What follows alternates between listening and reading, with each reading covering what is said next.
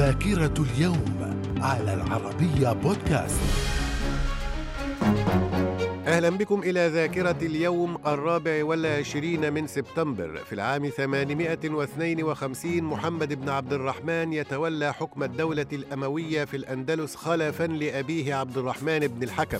وفي العام 1180 وفاة الإمبراطور مانويل كومنينوس وأدى ذلك إلى بداية انحدار الإمبراطورية البيزنطية. وفي العام 1736 الدولة العثمانية توقع اتفاقا مع نادر خان أكبر ولاة فارس في مدينة تفليس لتحديد الحدود بينهما. من الذاكرة. في العام 1966 إسرائيل تنشئ نفقا جديدا تحت المسجد الأقصى. وفي العام 1973 غينيا البرتغالية تعلن استقلالها عن البرتغال وتغير اسمها إلى غينيا بيساو.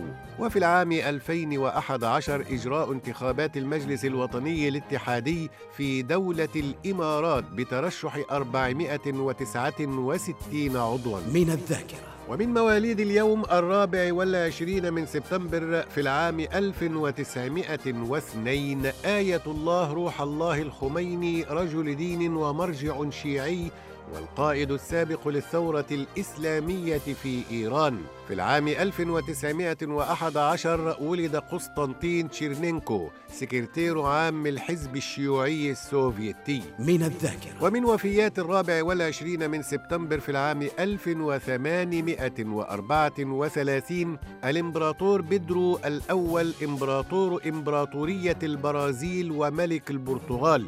في العام 2003 توفي إدوارد سعيد كاتب وناقد وأكاديمي أمريكي من أصل فلسطيني. وفي العام 2007 توفي حيدر عبد الشافي طبيب وسياسي فلسطيني وكبير المفاوضين الفلسطينيين السابق. من الذاكرة. إلى اللقاء.